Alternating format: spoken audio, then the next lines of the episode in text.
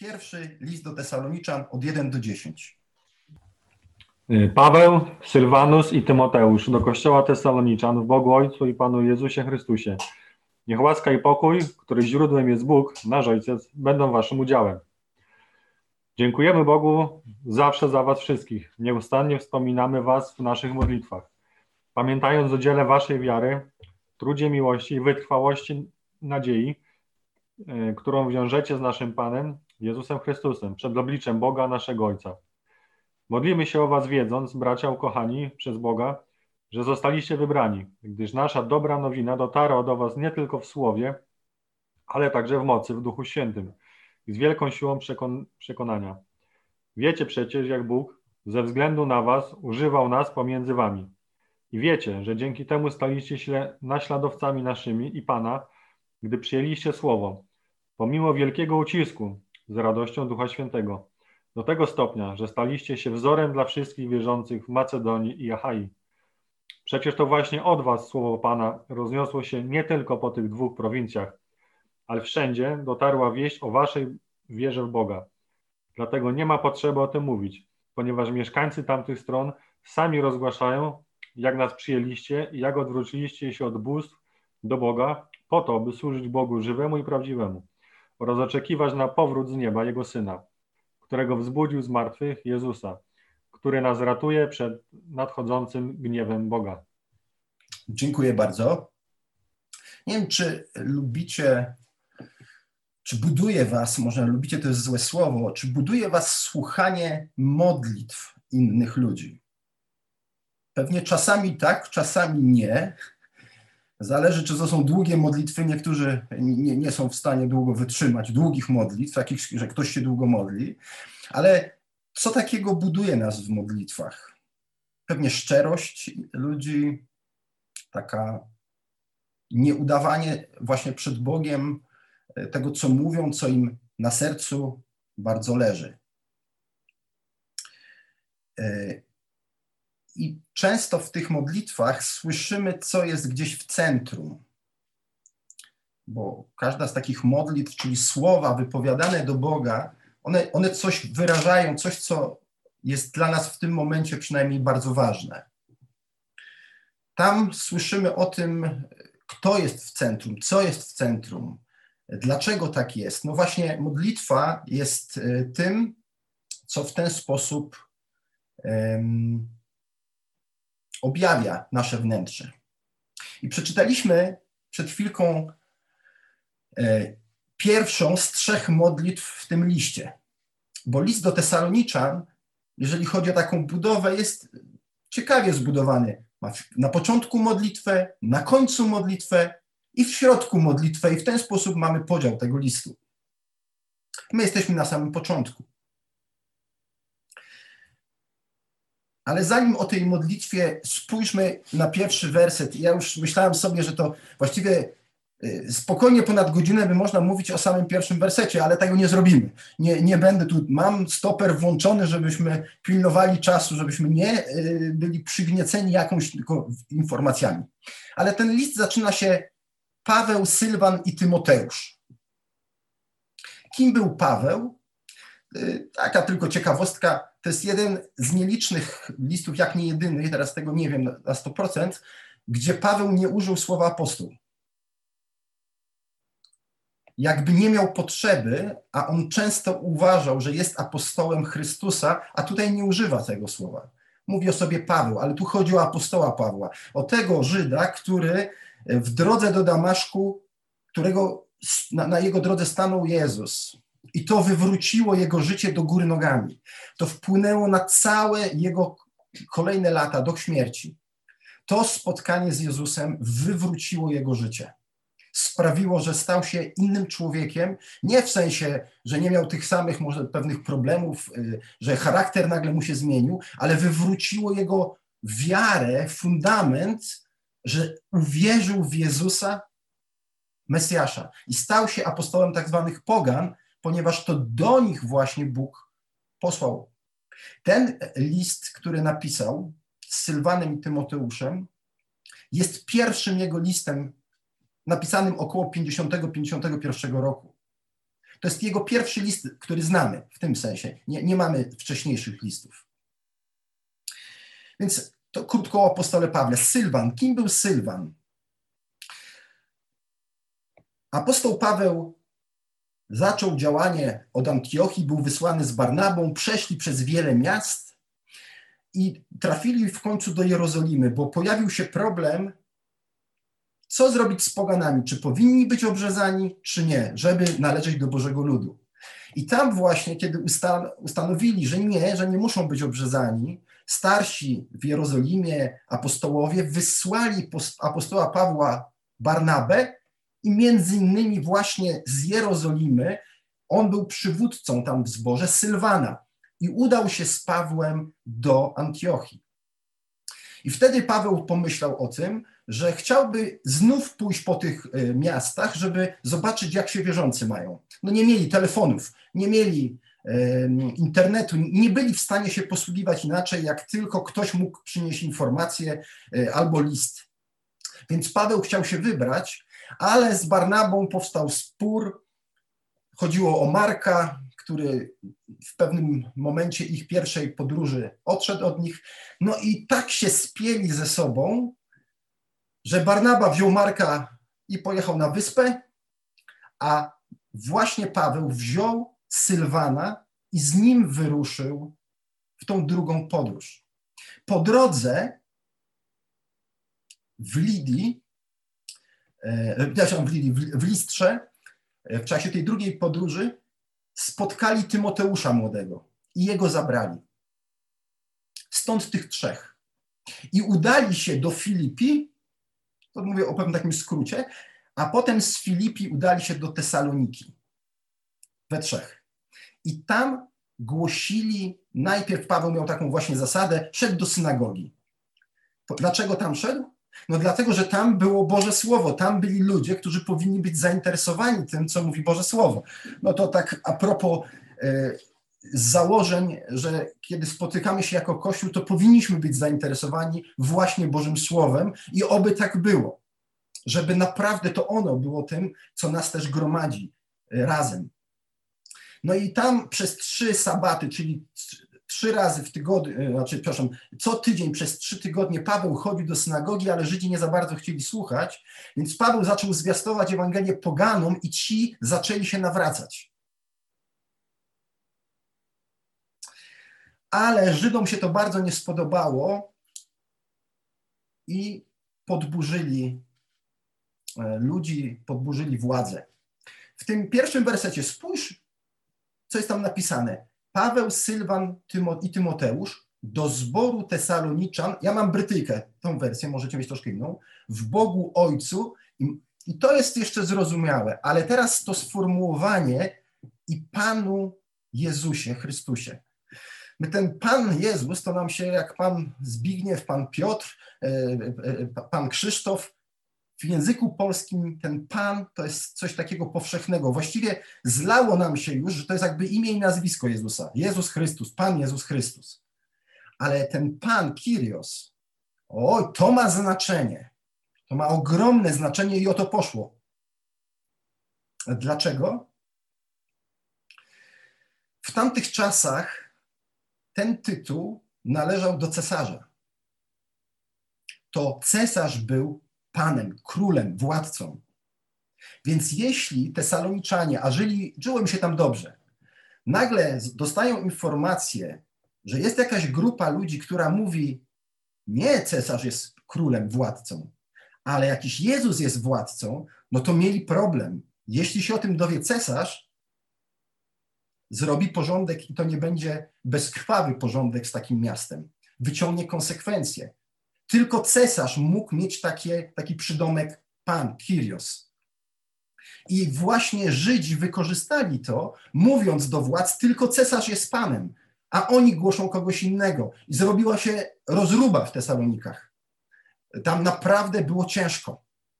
W drugim rozdziale e, Tesaloniczan, w drugim wersecie czytamy, pomimo cierpień i zniewag, których, jak wiecie, doznaliśmy w Filipi, Zebraliśmy się na odwagę w naszym Bogu i głosiliśmy Wam Bożą dobrą nowinę w ciężkim boju. w Filipi przeżyli więzienie, dotarli do Tesaloniczan, do Tesalonik, tam głosili i Żydzi się sprzeciwili im i władza się sprzeciwiła. Naprawdę tam było ciężko. To nie było fajne spotkanie, na którym chrześcijanie jacyś albo ludzie poganie usłyszeli coś o jakimś Panu Jezusie. To naprawdę zmieniało postać rzeczy w ich codziennym życiu. I wtedy, po jakimś czasie, niektórzy uważają, że po kilku miesiącach Paweł z Sylwanem i Tymoteuszem uciekają do Berei. Żydzi z Tesaloniki dowiedzieli się o tym i wysłali znów tam swoich posłańców, i wtedy Paweł ucieka do Aten, a Sylwan i Tymoteusz pozostają. I Sylwan i Tymoteusz, a na pewno Tymoteusz, to wiemy z tego listu, idzie z powrotem do Tesaloniki, dowiaduje się, jak oni funkcjonują, wspiera ich, młody Tymoteusz, i potem udaje się do Koryntu, bo tam już jest Paweł. I list ten właśnie był napisany w Koryncie. Kiedy Tymoteusz przyszedł i opowiedział, jak się mają świeżo wierzący. Ci ludzie, do których napisał list, to moglibyśmy powiedzieć, to jest kilka miesięcy, może rok od czasu, kiedy uwierzyli. To jest niedługo. I Paweł właśnie do nich w trosce pisze. I spójrzmy na kawałek tej modlitwy, na część. Nie będziemy całej modlitwy przerabiać, ale spójrzmy ca- początek. Dziękujemy Bogu zawsze za Was wszystkich. Nie wiem, jaki masz przekład, ale to dziękujemy jest później uzupełnione trzema innymi słowami. Dziękujemy wspominając w drugim wersecie, możesz spojrzeć. Dziękujemy w trzecim wersecie, mając w pamięci. I dziękujemy w czwartym wersecie, wiedząc. Jest to uzupełnienie tego dziękujemy. Ale znów słowo dziękujemy. Kiedy dziękujesz? No, ktoś ci coś da. Da ci cukierka, czekoladę na urodziny. O, nie dostałeś, już nie dziękujesz. Słyszałem to dzisiaj na początku od niektórych zawód. Ale kiedy dostajemy, mówimy, o, dziękuję. No, gdybym dostał duży, jakiś drogi prezent, na przykład jakiś samochód, pewnie powiedziałbym, o, bardzo dziękuję. Ale to słowo, które jest tu użyte, nie jest takim słowem, które my używamy potocznie. Znów, tak jak z tym Panem Jezusem. My mówimy Pan, Pan gdzieś ten władca, król uciekł nam i ucieka. To nie jest jakiś Pan Jezus, tylko władca. A to dziękujemy jest to słowo, które specyficznie używa tylko Paweł. Jest to słowo Eucharisteo. My znamy po polsku to sformułowanie jako Eucharystia. Dlaczego to jest inne słowo? niż takie, jak my mówimy, dziękczynienie. Pan Jezus między innymi te, użył tego sformułowania podczas wieczerzy pańskiej. Podczas tej ostatniej wieczerzy, kiedy właśnie wypowiedział dziękczynienie. I to słowo związane jest właśnie z tym, co Bóg zrobił dla człowieka. Że Bóg postanowił stać się człowiekiem, oddać życie to nie jest jakieś dziękuję Panie Jezu za to, że dzisiaj się lepiej czuję lub że taka jest pogoda i za dom i za, za to wszystko powinniśmy dziękować. Jasne, być wdzięcznymi za to, co mamy. Ale zobaczcie, my to mamy. Y, Tesaloniczanie byli w prześladowaniu. Wielu chrześcijan dzisiaj żyje w prześladowaniu. Czy oni mają być za co wdzięczni? A może są głodni, a może są bici, ale oni nie mają problemu z tym, żeby powiedzieć to dziękczynienie, że jestem Ci wdzięczny, Boże, bo to ta wdzięczność jest związana z tym, co zrobił Jezus dla mnie i dla Ciebie, że oddał swoje życie. To jest głęboka wdzięczność, połączona z takim nieustannym wielbieniem, przepraszam, Boga, ale to, to, ta wdzięczność jest związana też z naszą zależnością. Jak często dziękujesz Bogu? I za co? Dziś możemy się nauczyć czegoś z tej modlitwy Pawła. On zaczyna tą modlitwę Dziękujemy Bogu. A dlaczego Bogu? Zawsze za Was wszystkich. Dlaczego dziękuję Bogu, a nie napisał Dziękujemy Wam? Dlatego, że Paweł wie, że to, kim są Tesaloniczanie, to nie jest tylko jakaś znajomość.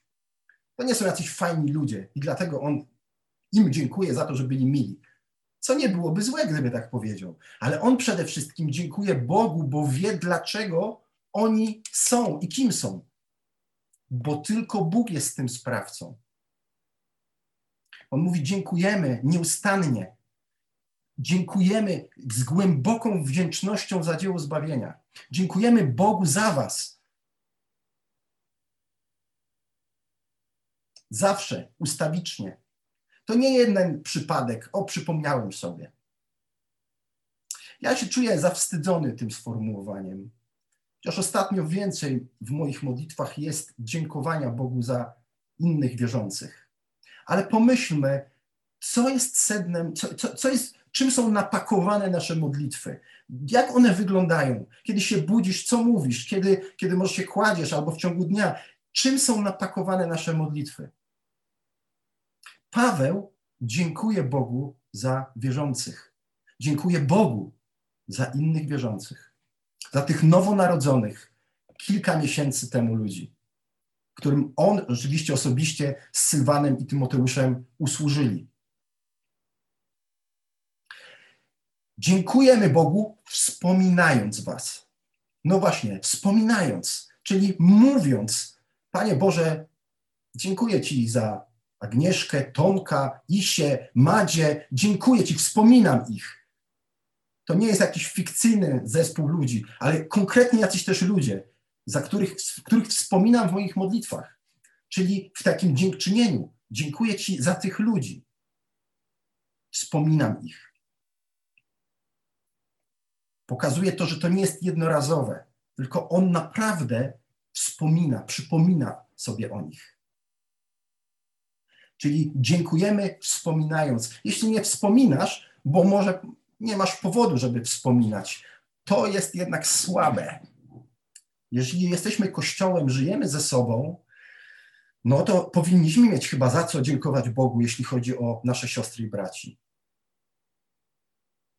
Jeśli tego nie ma, może warto coś zmienić. Może właśnie przyjrzeć się, że On dziękuje wspominając, może potrzebujemy wspominać. I drugi powód, drugie połączenie tego dziękczynienia, tej, tego głębokiej wdzięczności Bogu za Jego dzieło w nas, ludziach, mając w pamięci, i teraz co mają w pamięci? Co pamiętają? Trzy rzeczy. To są trzy rzeczy, które Paweł w listach często używa, i tak naprawdę to jest jego.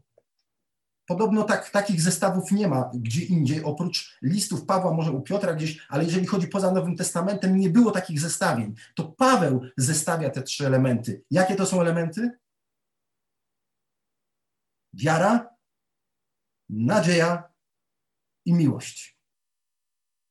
Ale on tutaj do każdego z tych, z tych cech chrześcijańskich, to jest coś, co możesz dzisiaj również zadać sobie pytanie, jak minął rok?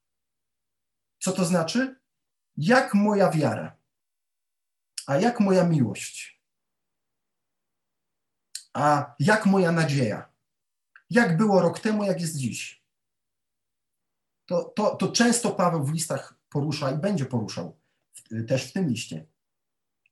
Więc mówi: Dziękujemy, wa, dziękujemy Bogu głęboką wdzięcznością, wspominając Was i pamiętając, mając w pamięci co? Co on tam napisał? Dzieło wiary. Nie sama wiara, ale dzieło wiary. Wasze dzieło wiary. To dzieło, to uczynki, to owoc.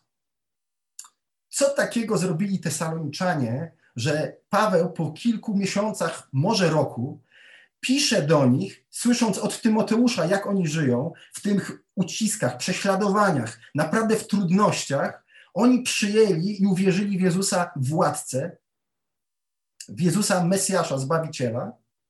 I on mówi: Pamiętamy o waszej wierze i o dziele waszej wiary. Co zrobili? No w ósmym wersecie. E, przepraszam, w dziewiątym wersecie czytamy, że właśnie dlatego, że uwierzyli w Jezusa, odrzucili bogów. Odrzucili innych bogów. To jest pierwsze, co zrobili, to jest ich dzieło wiary. Powiedzieli, nie będziemy składać im ofiar. Nie poświęcimy dla nich życia. będziemy nieśli konsekwencje. Uwierzyliśmy, że Jezus jest Panem, Jezus jest władcą, Jezus jest zbawicielem. To nie jest jakaś ideologia, jakaś filozofia, jakiś system wierzeń. To jest ktoś. Czasami zamykam oczy i w tym sobie sensie wyobrażam, że stoi przede mną Jezus jako postać, jako On, nie jakaś, jakiś zestaw wierzeń, On sam, że to jest ktoś, to nie jest coś, to jest ktoś. I to powinno wywoływać we mnie dzieła wiary, skoro wierzę Mu, bo nie wierzę w Kościół jako instytucję.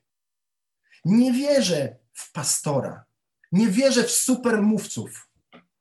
To nie jest mój cel wiary ani fundament mojej wiary. Ja moją wiarę muszę zakotwiczyć w Jezusie, tak jak oni to zrobili. I Paweł mówi: Dziękujemy z głębi serca, przypominając sobie, że tak zrobiliście. Że naraziliście się innym, ale to mi nie miało znaczenia. Rzuciliście bożki, zostawiliście stary tryb życia, dlatego że uwierzyliście w Niego, że On jest Mesjaszem. My nie doświadczamy takich prześladowań, ale rodzi się we mnie pytanie, jak z naszymi dziełami wiary? W miejscu pracy, wśród sąsiadów? Ile razy może wstydziłem się, wstydziłam się powiedzieć o nim, kim jest dla mnie? A może udało się wielokrotnie to zrobić pomimo kosztów, jakie niosło to za sobą. Bo tu chodzi o Jezusa, o króla, pana panów. Mając w pamięci dzieło wiary waszej, oni dziękują Bogu. Czy możesz podziękować Bogu dziś, może za to, co wzmocnił w Twoim życiu w Twojej wierze w tym roku? Czy widzisz, że wzmocnił Twoją wiarę, że Twoja wiara wzrosła, że jesteś wdzięczny głęboko Bogu, że On wkroczył w Twoje życie i Cię prowadzi, zmienia? A może są ludzie, za których Bogu właśnie będziesz nieść dziękczynienia jak Paweł, którzy rzeczywiście widzisz ich dzieła wiary. I to jest budujące, to jest zachęcające. Druga kwestia o czym pamiętają? Trud miłości. A jeszcze z tym Jezusem Panem. E, chciałem wrzucić coś wam, co, co, co jest z ostatnich dni w Gdyni. Z ostatniego tygodnia. Ale wrzucę coś na screen. Tylko to wrzucę, żebyście coś zobaczyli, kochani, e, momencik, co, jak współczesny człowiek postrzega Jezusa jako Pana. I już puszczam. O. Znacie te obrazy? Jezus Chrystus królem Polski. A zobaczcie, co wisiało na morskiej. Jezus Chrystus królem Polski, chwała Bogu nie jest. To wisiało tuż niedaleko nas. I to są takie właśnie wyobrażenia, wyobrażenia Jezusa Pana.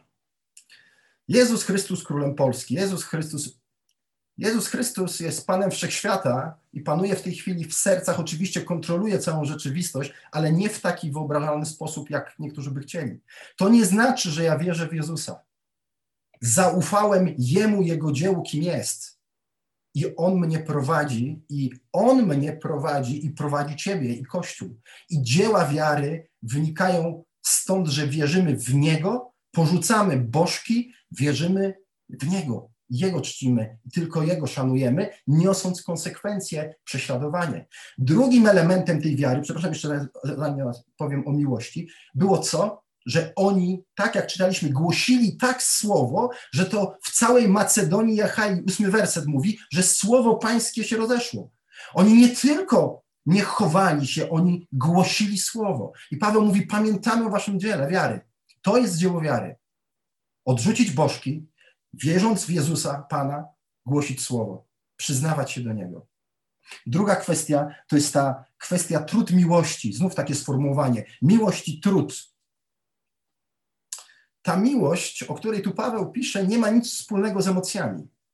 My nieraz mówimy, no tak się miłujmy, tak sympatycznie, miło, przyjaźnie i to jest fajne, że tak powinno być między nami. Ale Paweł tutaj wyróżnia tą miłość jako trud, jako ofiarna miłość. To jest, ta miłość kosztuje. To nie jest miłość na zasadzie, a proszę bardzo, lekko, fajnie. Nie, nie, on mówi miłość, która jest ofiarna, która kosztuje. Dzień po dniu. No troszkę tak, jak y, rodzice cieszą się z dziecka, które się narodziło, a potem niosą trud tej miłości. Niewyspane noce. No kto wstaje niewyspany z radością, mówi chwała Ci Panie, jak się nie wysypiam, jaki jestem zmęczony z powodu tych moich urwisków, małych bobasków. To jest właśnie to, o czym pisze Paweł. Mówi, pamiętamy wasz trud miłości. Wśród prześladowań, wśród kłopotów okazywaliście sobie miłość. Płaciliście cenę. Chętnie. A jakże nieraz w kościołach ten trud miłości polega na tym, że to mi taka piosenka nie odpowiada, taki wystrój mi nie odpowiada. I to jest trud miłości, że ja tam jeszcze chodzę. Trud miłości to jest, chcę płacić cenę w tej miłości wobec moich braci i sióstr. Chcę płacić cenę. Chcę ich nieść. Brzemiona jedni drugich noście. Chcę być z nimi. Chcę, nie będę miał sił, to też padnę i chcę z nimi paść. To jest trud miłości. To jest bycie w tym dobrym doświadczeniu i trudnym doświadczeniu. To nie jest uciekanie w swój własny świat. My żyjemy w bardzo takim indywidualistycznym świecie. Takie nasze ja sam i moja może rodzina. Oni żyli wspólnotowo dużo bardziej. Ale to nie znaczy, że my nie mamy się uczyć tego, tego trudu miłości, tego działania naprawdę ofiarnego wobec tych innych, którym może jest też trudno. Nie ja. Paweł mówi: Dziękuję, uwielbiam Boga z całego serca, właśnie Jego, ponieważ to o Jego dziełem jesteście. I wspominam Was i przypominam i pamiętam dobrze, że naprawdę dzieła wiary uwierzyliście i, i, i wyrzekliście się bożków i głosiliście słowo i okazywaliście miłość pomimo trudnych sytuacji. Byliście gotowi zapłacić cenę. To jest miłość. I trzecia rzecz, o której mówi, to wytrwałość w nadziei. To jest ta wytrwałość, cierpliwość w nadziei, w tym oczekiwaniu. Nadzieja to jest to oczekiwanie. Oczekiwanie też widzimy w tym liście powtórnego przyjścia Jezusa. To jest oczekiwanie. Paweł mówi: Dziękuję, wielbiam Boga, że uwierzyliście i rzuciliście bożki, rozprawiacie się z grzechem i głosicie słowo, że okazujecie sobie miłość i oczekujecie, bo uwierzyliście, że On powróci i że wasze życie tu na ziemi skończy się. On docenia to, co w nich tam widział i o czym przyniósł, jakie informacje przyniósł mu Tymoteusz. Ta nadzieja, wytrwałość w, pokładanej nadziei w Panu naszym Jezusie Chrystusie, znów to sformułowanie w Panu naszym, właśnie we Władcy naszym, Jezusie Mesjaszu, ten Chrystus to jest namaszczony, to jest Mesjasz, że w Nim pokładacie całą swoją nadzieję i sens. Że to życie się nie kończy, ale dalej zmierza. Zresztą w dalszej części tego listu widzimy, że oni mieli trochę problem, później się okazuje, że mieli trochę problem, co z po śmierci, smucili się, ponieważ niektórzy umarli. A Paweł mówi, nie, nie żyjcie jak ludzie bez nadziei. A tu, a tu docenia to, że tak, macie tą nadzieję. Jej się trzymajcie trzy elementy, o których, o których e, Paweł mówi, że pamięta o nich. Ta wiara, nadzieja i miłość. I czytamy dalej, czwarty werset. Wiedząc, bracia umiłowani przez Boga, to jest to trzecie. Dziękujemy wspominając, dziękujemy mając w pamięci i dziękujemy wiedząc. bracia umiłowani przez Boga. Że zostaliście, że sami się wybraliście, czy że zostaliście wybrani? Że zostaliście wybrani. Dziękujemy Bogu z głębi serca, wiedząc, że zostaliście umiłowani bracia przez Boga, że zostaliście wybrani. To nie my znaleźliśmy Boga, ale On nas znalazł. To On przyszedł. I zobaczcie, w jaki sposób dalej pisze Paweł o tym wybraniu. Używa takiego słówka gdyż, ponieważ, dlatego że. W jaki sposób? Gdyż Ewangelia zwiastowana wam przez nas, czyli Ewangelia, zostaliście wybrani, usłyszeliście Ewangelię. Usłyszeliście o dobrą nowinę o tym, że Bóg ma plan dla człowieka, chce go uratować. Że naprawdę Bóg ingeruje i zaingerował w ten świat, posyłając swojego syna. Boga człowieka, który oddał życie na krzyżu. Za nas, tak jak ten werset mówi, tak Bóg umiłował świat, że syna swego posłał. Każdego dnia możemy być wdzięczni Bogu, że właśnie On oddał za nas życie, że zostaliśmy wybrani. Gdyż Ewangelia doszła, i tu co mamy napisane, nie tylko w słowie. Nie chodzi o to, że nie słowo, właśnie Ewangelia dochodziła w słowie, ale to Paweł podkreśla, co kiedyś myślę powiedział bardzo ładnie Wilkerson na początku swojego kazania, dawno, dawno, wiele lat temu słuchałem go. I on powiedział, modląc się na początku, Boże, nieważne jak ja głośno będę, czy cicho mówił, nieważne czy się będę wzruszał, czy nie, to nie ma znaczenia, bo Twoje słowo ma moc, a nie ja. I Paweł wydaje się raczej tu mówi o tym, że nie moja retoryka, nie moje kombinowanie, nie moje argumentowanie to sprawiło w was po prostu jakieś, jakieś rzeczy. Mówi nie, nie. Nie, ta Ewangelia dotarła w słowie, ale nie tylko, bo objawiła się też moc. Jakiego rodzaju moc? No to w mocy i w Duchu Świętym. Jakiego rodzaju moc? W Tesalonice nie czytamy o cudach i znakach, a to sformułowanie związane jest z tym, co się w nich wydarzyło. Kiedy Ewangelia dotarła w słowie, nie samym tylko słowie, ale mocy, która zmieniła ich. I Duch Święty, który wkroczył w ich życie i przemienił, oni tego doświadczyli. Jeżeli ktoś jest tylko i tylko opiera swoje, swoją wiarę na pewnych przesłankach takich intelektualnych, bez doświadczenia zmiany serca, no to, to, to wątpliwe, że jest chrześcijaninem. Czy pojawia się wiara, która obfituje w czyny, bo wiara bez uczynków jest martwa, czy obfituje te działanie Ewangelii we mnie, że moja miłość, że ja płacę cenę kochając innych i czy mam nadzieję, ja żyję tą nadzieją tam, a nie tym tutaj. Co mnie napędza w życiu, by dziękować Bogu?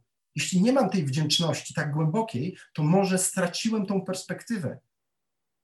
Kim jestem, że Bóg mnie wybrał, posłał swoje słowo, dał Ducha Świętego i użył swojej mocy, by coś się we mnie zmieniło. We mnie i w Tobie. I z wielką siłą przekonania. Tak, tak właśnie działa Boże Słowo. Tak działa Duch Święty, tak działa Bóg z wielką siłą przekonania. Czasami myślimy może o sobie, jak mogę wpłynąć na drugiego człowieka. Mogę tylko głosić jak najwierniej Boże Słowo, modląc się oczywiście do Boga, licząc, że to On w mocy swojej przekona innych. Ale czy żyję tym, by to Słowo głosić? Czy żyję tą nadzieją i czy niosę w miłości innych? A wy staliście się naśladowcami naszymi i Pana i przyjęliście słowo w wielkim uciśnieniu z radością Ducha Świętego. Patrzcie, z radością Ducha Świętego przyjęli to słowo, tą Ewangelię w wielkich kłopotach. I ich życie, jeżeli chodzi o okoliczności, się nie zmieniły. I Paweł niesie to wielkie dziękczynienie właśnie do Boga. A zatem, podsumowując, Dziękujmy Bogu z głębi serca. Niech nasze modlitwy będą pełne wdzięczności Bogu za to, co uczynił w naszym osobiście życiu, ale też za życie Kościoła wierzących. Za tych, w których widzimy i przypominamy sobie o nich, wspominamy ich i dziękujemy Bogu za ich postawę wiary, za ich dzieło wiary, za tą poświęcenie, ofiarną miłość i za nadzieję, że widzą coś dalej i kroczą pomimo. Że wiemy, co daje taką moc. Ewangelia, która nie tylko jest jakimś przesłaniem samego słowa intelektualnie, ale Ewangelia, Słowo, Duch Święty, moc Boża, Bóg, który wkracza w życie. Obyśmy każdego dnia jednak widzieli to coraz głębiej, doceniali i byli wdzięczni, byli właśnie tej głęboko Bogu wdzięczni za to, że nas wybrał, że nas zbawił i zaprosił. Niech to będzie najcenniejsze w naszych modlitwach. Niech to się stanie ośrodkiem naszych modlitw, centrum naszych modlitw, On sam. Takie właśnie, taka wdzięczność i uwielbienie. Panie, ja Ci bardzo dziękuję, bardzo Ci dziękuję za tych moich braci i siostry, którzy w tym roku, a widziałem to, Panie, którzy podjęli dzieło wiary, którym było ciężko, ale podjęli to dzieło wiary. Za tą zapłatę, ofiarną miłość, że pomimo kochają i budują ten Kościół. Dziękuję Ci za nich. Dziękuję Ci za nadzieję związaną z Tobą. Panie, dziękuję Ci, że możemy być Twoim Kościołem, braćmi i siostrami umiłowanymi przez Ciebie. Pomóż nam porzucać wszystko, co złe i wypełnij nas naprawdę Twoją Ewangelią. Tą Tobą samym, Panie Jezu, bo obiecałeś, że powrócisz, ale jesteś władcą, który oddał życie. Pokazałeś nam, co to znaczy żyć teraz w tych czasach, Ciebie naśladując. I nasze modlitwy, Panie, ale nasze modlitwy zmieniaj przez zmianę serca, myślenia. Tak jak apostoł Paweł się modlił. Naucz nas, Panie, tego zachwytu Tobą, tego naprawdę skupienia na Tobie każdego dnia. Amen.